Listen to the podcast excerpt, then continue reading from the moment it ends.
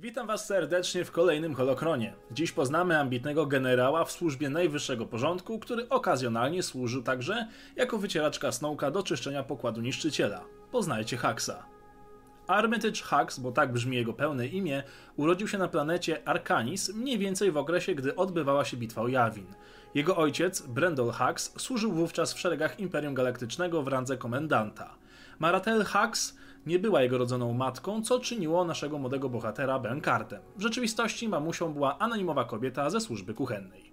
Od najmłodszych lat Armitage uważał się za lepszego od innych i sądził także, że przeznaczone mu jest rządzić całą galaktyką. Ojciec nie podzielał zapału syna, widząc w nim słabość, bojaźliwość i wybujałe ego. Wielka admirał Raeslin podejrzewała, że ojciec znęcał się nad swoim synem psychicznie i fizycznie. Zarówno ojciec, jak i syn znaleźli się w trudnym położeniu na 5 lat po bitwie o Jawin. Armia Republiki otoczyła ich planetę. Admirał floty Gallius Rax, który wiedział o sekretnym planie imperatora mającym na celu zniszczenie imperium po jego śmierci, wziął pod swoje skrzydła Haksów i przetransportował ich do nieznanych regionów, by tam odbudować potęgę imperium. Jakiś czas później nasz bohater przypatrywał się bitwie o Jacku, jednocześnie oddalając się od swojego ojca. Ich przymusowe wygnanie powoli dobiegało końca, a nowa forma reżimu miała właśnie się narodzić. Rodzącemu się najwyższemu porządkowi miał przewodzić m.in. właśnie Brendol oraz Armitage Haxowie.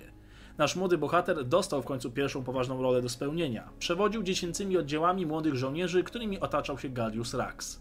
Podczas podróży do nieznanych regionów młody Hax stawał się coraz bardziej okrutny, mimo iż dzięki pomocy Rae uwolnił się od zgubnego wpływu swojego ojca.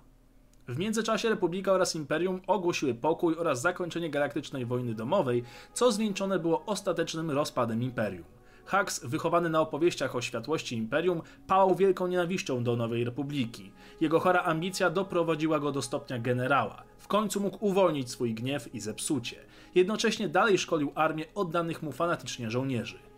Podczas misji na Parnasos Hux w końcu zakończył żywot swojego ojczulka. Wykorzystując podstęp, podał mu śmiertelną truciznę z parnasowskiego żółka. Samego aktu podania trucizny dokonała nikt inny jak kapitan Fazma. Hux szybko wskoczył w ojcowskie buty jako militarnego dowódcy najwyższego porządku. Dowodzenie całą formacją niestety uciekło mu sprzed nosa, gdy na tronie zasiadł tajemniczy Snoke. Od teraz Hux musiał służyć pod rozkazami tego niezwykłego człowieka.